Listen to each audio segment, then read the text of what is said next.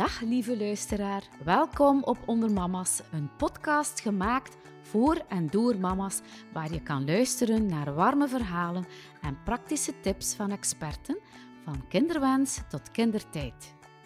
Ik ben Sonja Pijpaard, mama, auteur en jouw host in deze aflevering. Dag Gade, welkom terug bij Onder Mama's, want je bent al vaker bij ons in de studio op bezoek geweest als ervaren uh, spiegelcoach. Dankjewel voor de uitnodiging opnieuw. Hade, in deze podcast gaan we het hebben over straffen en belonen binnen de opvoeding van kinderen. Dit is een leukje waar je al eerder advies hebt gegeven voor mijn derde boek, Peutermama's. Mm Straffen is ook een manier die ouders vaak gebruiken om het gedrag van hun kinderen te corrigeren en ook gewenst gedrag te belonen. Mhm. Maar wat we uit deze podcast zullen leren, is dat dit vaak een averechts effect heeft. Ja, wel, het heeft op korte termijn vaak het gewenste effect. En het is soms wel makkelijk om het te doen. Maar op lange termijn draagt het niet bij tot de verbinding en de relatie die dat je eigenlijk met je kind wilt. En welke waarden dat je daarmee mee heeft. Um, en hoe dat ze als volwassenen ook in het leven staan.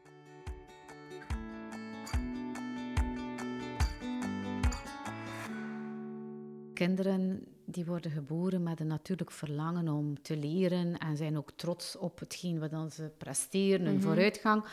Maar eigenlijk kan het dan niet al te veel schelen of dat ze dat nu zeer goed doen, of minder goed doen, of niet goed doen. Eigenlijk weten ze dat niet. Ze zien dan iets, iets doen en ze zijn content. Ja. Hè? Ik stel dat vaak voor als een cirkel, een, een, complete en hele cirkel. En kinderen zijn vol van zichzelf, eigenlijk van nature. Ze twijfelen van nature eigenlijk niet zozeer aan zichzelf. En ze willen echt exploreren, leren en ook bijdragen. En van zodra dat er daar externs bij komt, is dat een, extra factor ja, die daar soms wel mee, wat mee wringt. Ja, ja, want eigenlijk is het zo, uh, we zien dat gebeuren en we hebben zo de neiging om hen te beginnen loven. Hè? Oh, mhm. goed, fantastisch en zo verder. Maar mhm. ja, dan start eigenlijk een ander proces. Hè? Wel, ik ken dat. Hè. Ik ben als mama ook soms spontaan enthousiast over iets dat ik zie bij mijn kind. Dus op zich is dat niet verkeerd en is dat ook normaal. Maar het is belangrijk om mee te nemen vanuit welke intentie dat je dat doet. Dat loven of dat prijzen. Als dat is vanuit puur spontaan enthousiasme oh, en trots, ja oké. maar als dat is vanuit eigenlijk verwacht ik dan dat datzelfde gedrag dan herhaald wordt. En als dat gedrag niet meer terugkeert, dan ben ik eigenlijk wel teleurgesteld. Dan is dat minder zuiver. Ja, ehm, en dat is belangrijk om mee te nemen daarin. Ja, inderdaad. Want uh, we kunnen dus best even stilstaan bij de motivatie van het kind. Hè? Ja. Er is een intrinsieke motivatie en er is een extrinsieke motivatie. Mm kan je dit even verder toelichten, een voorbeeld van geven? Wat intrinsiek gemotiveerd zijn, dat is, dat echt een beetje zelf. Dat is van binnenuit gemotiveerd zijn om te leren, om jezelf te ontwikkelen, om dingen te ontdekken, om te exploreren. En dat maakt dan eigenlijk niet uit wat dat er van reactie op komt. Je, je wil het gewoon van binnenuit echt heel graag doen en kunnen. Die extrinsieke motivatie gaat dan over gedrag stellen of net niet stellen omdat je afhankelijk wordt van die externe factor. Gedrag niet gaat stellen omdat je bang bent om straf te krijgen en omdat je die straf wil vermijden. Of gedrag meer of opnieuw gaat stellen omdat je eigenlijk een beetje stuk hunkert naar die beloning die daar tegenover staat. Ehm, en dat is zo wat het verschil. Ja, want in mijn boek hebben we het ook over belonen. Hè? Mhm. We denken dan meteen aan, ja, uh, je krijgt een sticker als mhm. je jouw bord leeg eet mm en zoveel meer. Hè? Mhm.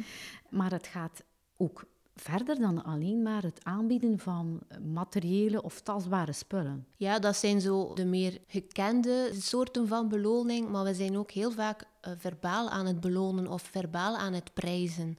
En dat kan dezelfde gevolgen hebben. Woorden zoals uh, stout en flink, die zitten eigenlijk wel zo'n beetje ingebakken ik mhm. hoop van niet, maar... Ja, nog steeds wel. Nog steeds wel. En ouders bedoelen het eigenlijk wel goed, uh, maar er zijn wel wat valkuilen uh, verbonden aan complimentjes geven. Hè? Ja, het hangt heel erg af van de persoonlijkheid en het karakter van je kind. Hè. Sommige kinderen hebben daar wel baat bij, omdat ze die positieve woorden nodig hebben ook. Maar eigenlijk gaat het heel vaak flink gedrag, is eigenlijk meestal gewoon gedrag dat het voor jou als ouder gemakkelijk maakt.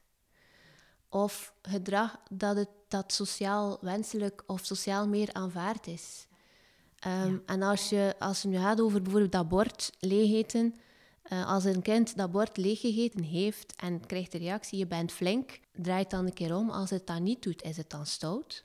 We voelen het niet zo aan, maar woorden als goed, flink, mooi, dat zijn eigenlijk positieve waardeoordelen. Ja.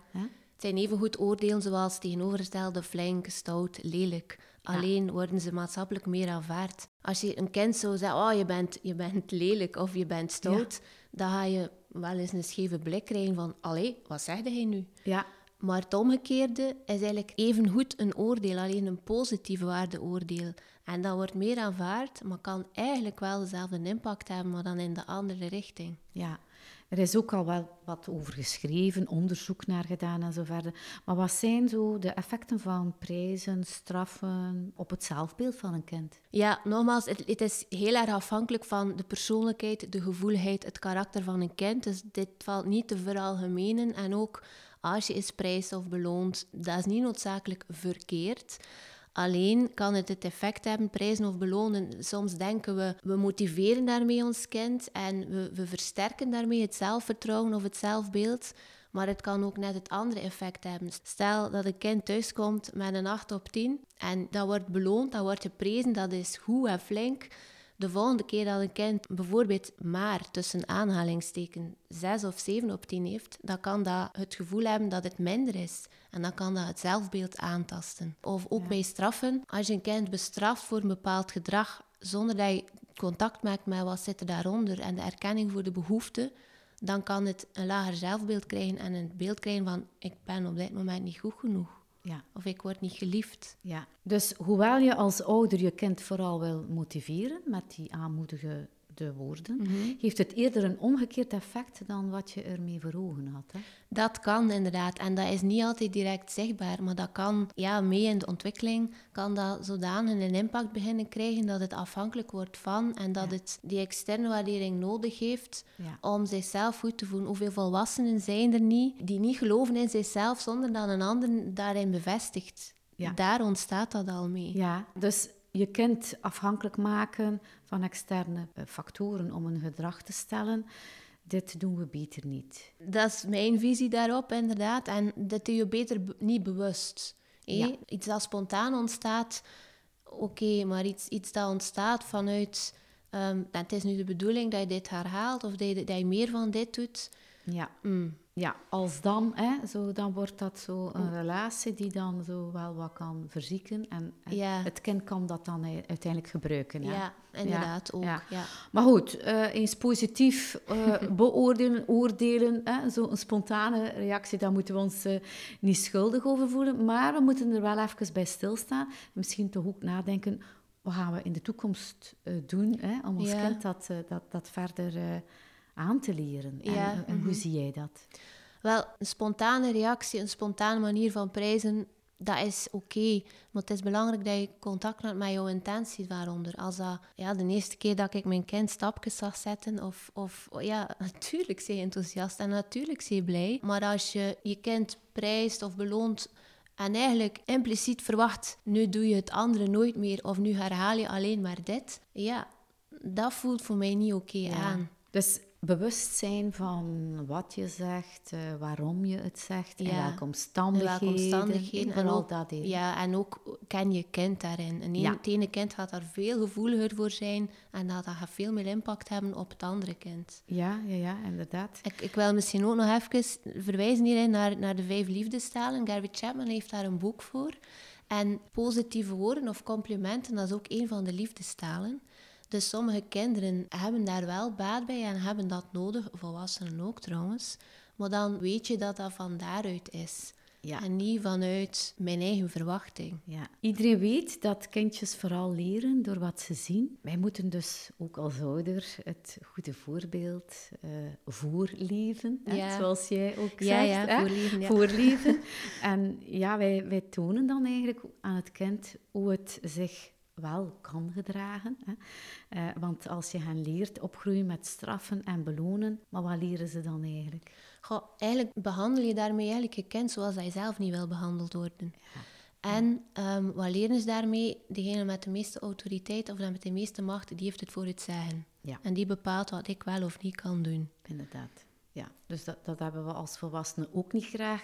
Dus we altijd die, die terugkoppeling een keer maken van, willen we dat zelf graag op die manier ervaren of niet? Ja. Dat is wel een goede... Dat is, ja, dat is iets wat ik regelmatig doe. Ja. Ik, ik probeer mijn kinderen als gelijkwaardig te behandelen. En Ja. ik probeer mijn kinderen te behandelen zoals dat ik zelf ook zou behandeld willen Ja. zijn. Ja. En ik maak soms zo het voorbeeld met opruimen. Stel nu dat je op kantoor werkt en dat je op een avond je koffietas bent vergeten naar de ref te brengen of in de vaatwas steken. En standaardags komt je baas naar je toe en zegt... Zeg, gisteren had je koffietas niet opgeruimd. Vandaag geen chocolaatje, nee, bij de koffie.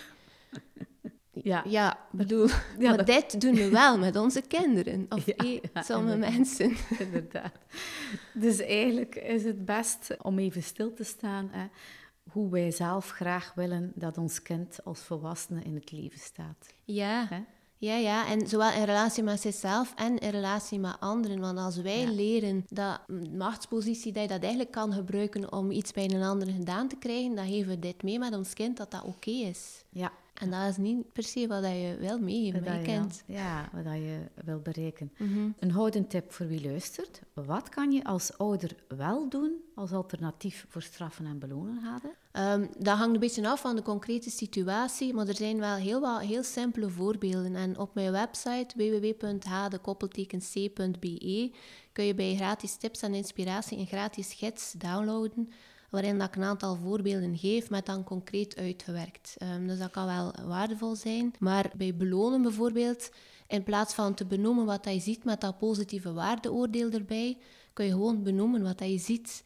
Een kind dat zijn bord leeg eet, bijvoorbeeld, ik zie dat je bord leeg is. Of ik zie dat je voor de eerste keer je broccoli op had. Zo, dit zijn zo heel kleine zaken. Mijn Ja, kinderen ja. hebben dat lovend of dat prijzend woord daar eigenlijk niet bij nodig. Ja, Wat ik ook regelmatig doe, is vergelijken met een vorige prestatie, maar dan zonder er eens mee te geven dat de vorige prestatie minder goed was. Bijvoorbeeld, het is de eerste keer dat je tien blokken op elkaar bouwde. Of het is de eerste keer dat je van bank naar de kast stapte alleen. Of het is de eerste keer dat je uit je beker dronk zonder morsen. Zo gewoon vergelijken met wat dat er, wat, wat, waar dat er vooruitgang is geweest. ja, ja de vooruit. Vooral daar de klemtoon op, eh, op leggen in uw gesprek. Ja, en Een, een eigen trots onder woorden brengen. Als Ja. ze iets gedaan hebben wat al spannend was en oeh, dat is mij gelukt, dat benoemen. Ja, Maar niet hoe gedaan, maar oeh, dat was wel spannend en het is jou toch gelukt. En straffen, ehm, bijvoorbeeld informatie geven. Ik zie nog regelmatig, nee, dat mag niet. ja, En daar stopt het. Ja. Maar een kind is daar weinig mee. ja. Stel dat je voorstel hebt voor je baas en je baas zegt nee, dan wil je ook uitleggen. Waarom Ja. niet, van waaruit komt dat? Maar als je informatie heeft en redenen heeft, dan raak je weer die intrinsieke motivatie aan. Ja, Ehm, een voorbeeld, eh, als mijn kinderen thuiskomen van school of van de crash, dan gebeurt dat regelmatig. Een eh, boekentasje en een jasje midden, op de, midden in de keuken op de vloer. Als ik ik op dat moment vraag, willen jullie dat aan de kapstok hangen? Gegarandeerd, ene oor in, andere oor uit, er, Ja. er wordt niks gedaan. nee. Als ik daar redenen en informatie bij geef, bijvoorbeeld, ik zie dat jullie jas op de vloer ligt. Als dat op de vloer ligt, kunnen we daarover uitglijden en kunnen we vallen. Of als iemand daarop stapt, is je jas wel vuil, wil je ze op een plaats hangen. Dan zijn ze veel meer bereid, want dan wordt die intrinsieke motivatie weer aangeraakt Ja. om dat te gaan doen. Ja.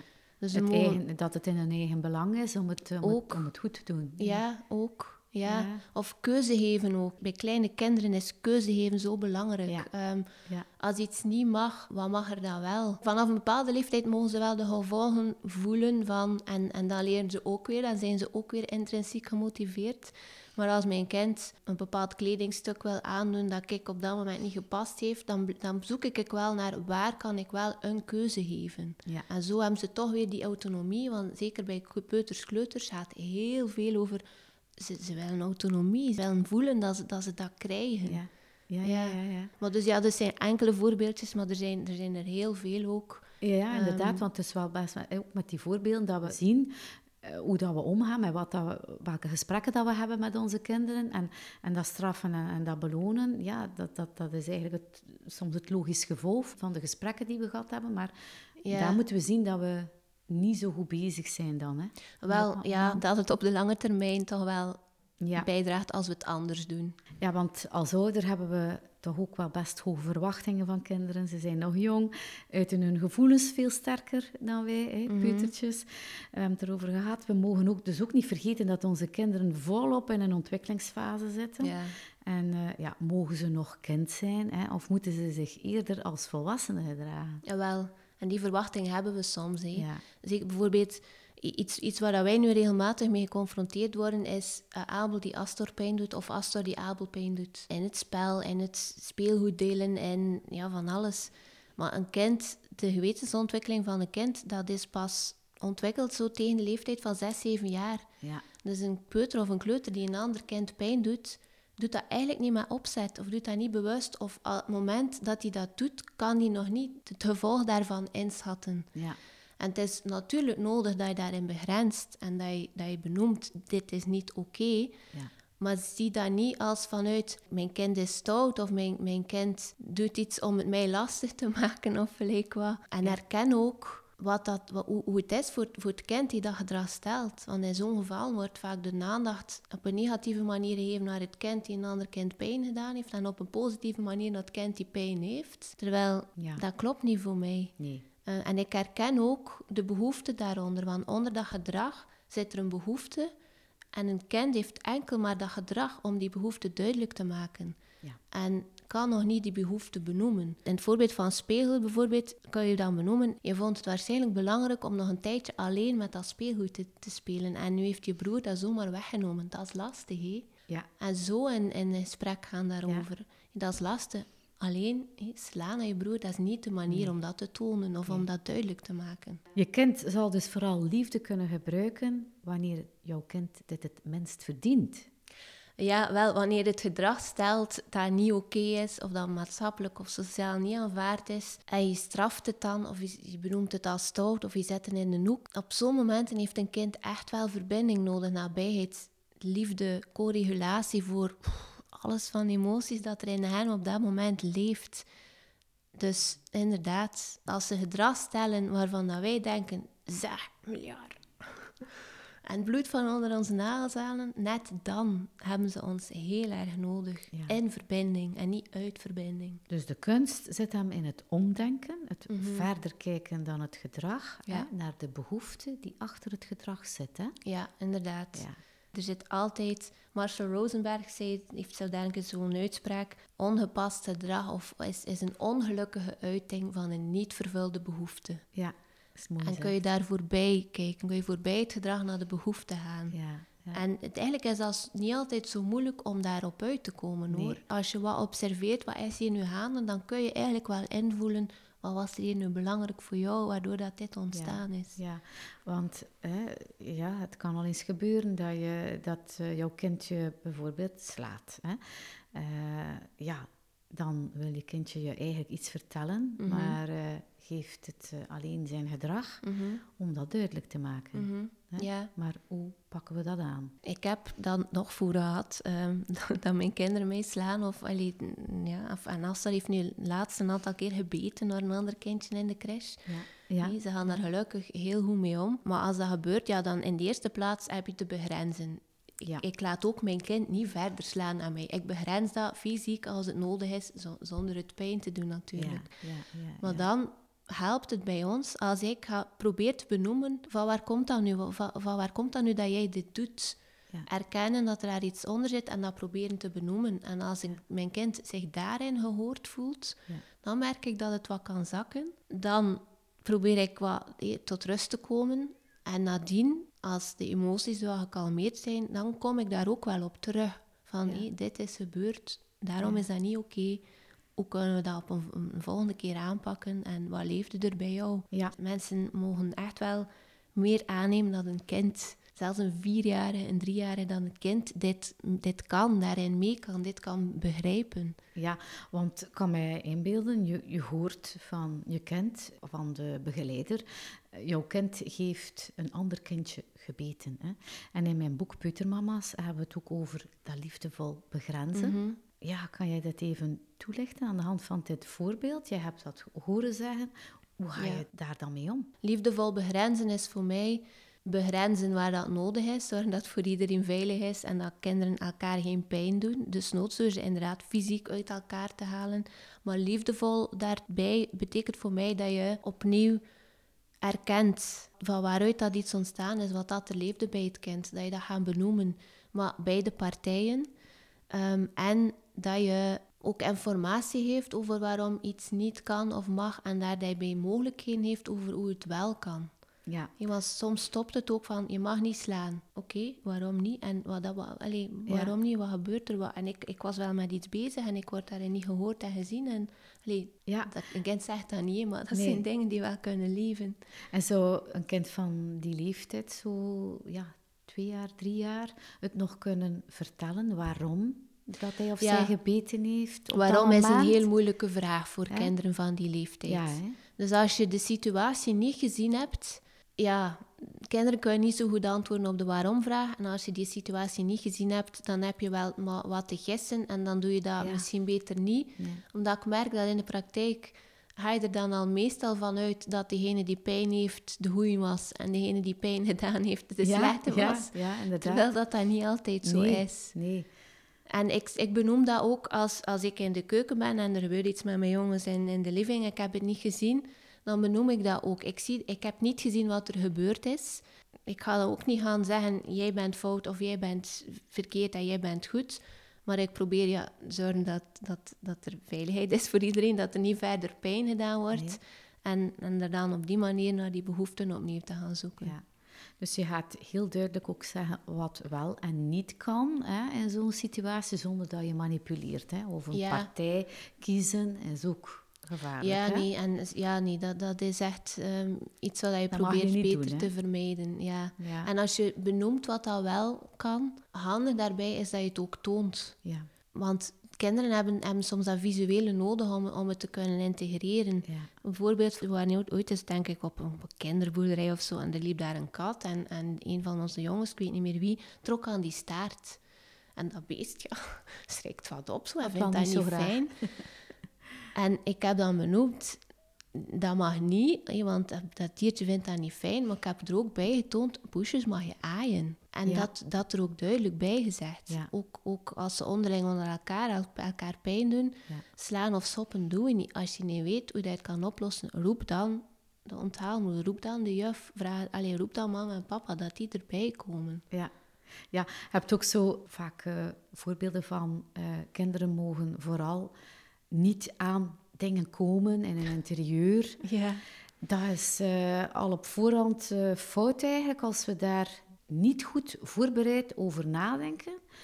Want ja, dan, dan lopen we allebei, hè, ouder en kind, lopen dan eigenlijk in de val van zichzelf. Want wat doe je dan best? Ja, eigenlijk dan moet je bijna ogen op je achter te hebben, want een, een kind heeft zijn impulsen nog niet onder controle. Nee. Die ziet iets, dat is interessant, dat grijpt daarnaar. Ja. Dus wat heb ik gedaan? Een beetje choose your battles. De periode dat mijn kinderen nog niet ja, nog zodanig explorerend waren. Als ze alles wat daar nieuw was wouden aanraken, heb ik gewoon mijn interieur daarop aangepast. Alles wat daar laag stond kwam hoger of verdween ja. even. Ja. En dat zijn persoonlijke keuzes, maar als je die keuze niet wil maken, ja, dan weet je gewoon dat je er constant achter en aan moet zitten. Ja. En dat vraagt volgens mij veel meer energie en creëert veel meer spanning dan die choose your battles en tijdelijk jouw omgeving wat meer kidsproof maken. Ja, en als je dan in een battle verzeild bent geraakt met je kind, je zit erin, hè?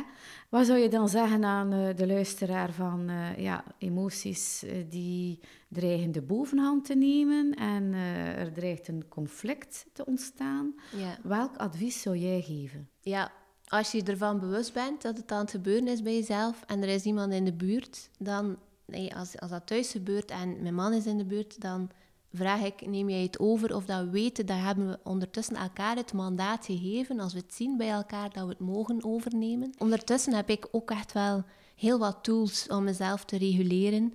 En als ik merk, wij noemen dat onze lavatjes. Er is zo'n boekje, Daantje het vulkaantje. En die zijn lavatjes gaan omhoog. Ja, en als de lavatjes helemaal hoog zitten, dan barst het uit. Ja. En eigenlijk gebruiken we dat ook al een beetje als barometer onder elkaar. En mama, ik, ik benoem vaak, goh, mijn lava zit hier hoor, op dit moment. Of mijn, mijn lava is omhoog aan het gaan. maar met het voor mezelf te benoemen, ja. betrek ik mijn kinderen ook wel bij wat dat er gebeurt. Maar ben ik ook een stukje al mezelf aan het reguleren, want ik word mezelf bewust bij wat er gebeurt. En ik kan daar dan naartoe handelen. En bij mij zijn dan ja, ademhalen, even time-out, even uit de ruimte als het veilig is om de kinderen alleen te laten. Inchecken ja. bij mezelf en dan terugkomen. En met een beter plan. Met, ja, AAK is, is zoiets afstand nemen, ah, ademen en opnieuw gaan kijken, maar met een andere blik en vanuit rust. Ja. En als dat niet, als je dan toch ontploft, of je bent toch de mama geweest die dat je niet wil zijn, dat overkomt mij ook nog. Ja. Dan kun je ook altijd nog achteraf daarop terugkeren en kun je, dan heb je dat eigenlijk ook te doen, vind ik. Ja. Uh, maar ook dat is voorleven, ook dat is leren voor je kinderen. Als je uit de verbinding gaat, sorry zeggen. Um, benoemen wat dat er gebeurde met mij. Uh, mijn lavantjes waren heel hoog en ik ben vergeten te ademen. En dan was ik plots aan het roepen. Zulke dingen benoem ik ook echt met mijn kinderen. En ja. zij nemen dat mee, zij pikken dat op en ze leren zo ook weer. Ja. Ja.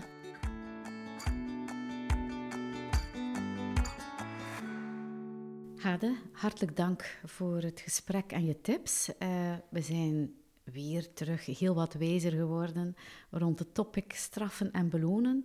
Nu kunnen ouders samen met hun kinderen op zoek gaan naar hun natuurlijke drijfveren. Ja, dankjewel. Bedankt om er opnieuw bij te zijn in deze aflevering van de Onder Mama's podcast. Vergeet zeker niet om je te abonneren op onze podcast. Neem een kijkje op ondermamas.be en volg ons op Instagram voor extra warme content van zwangerschapswens tot kindertijd. Tot de volgende keer.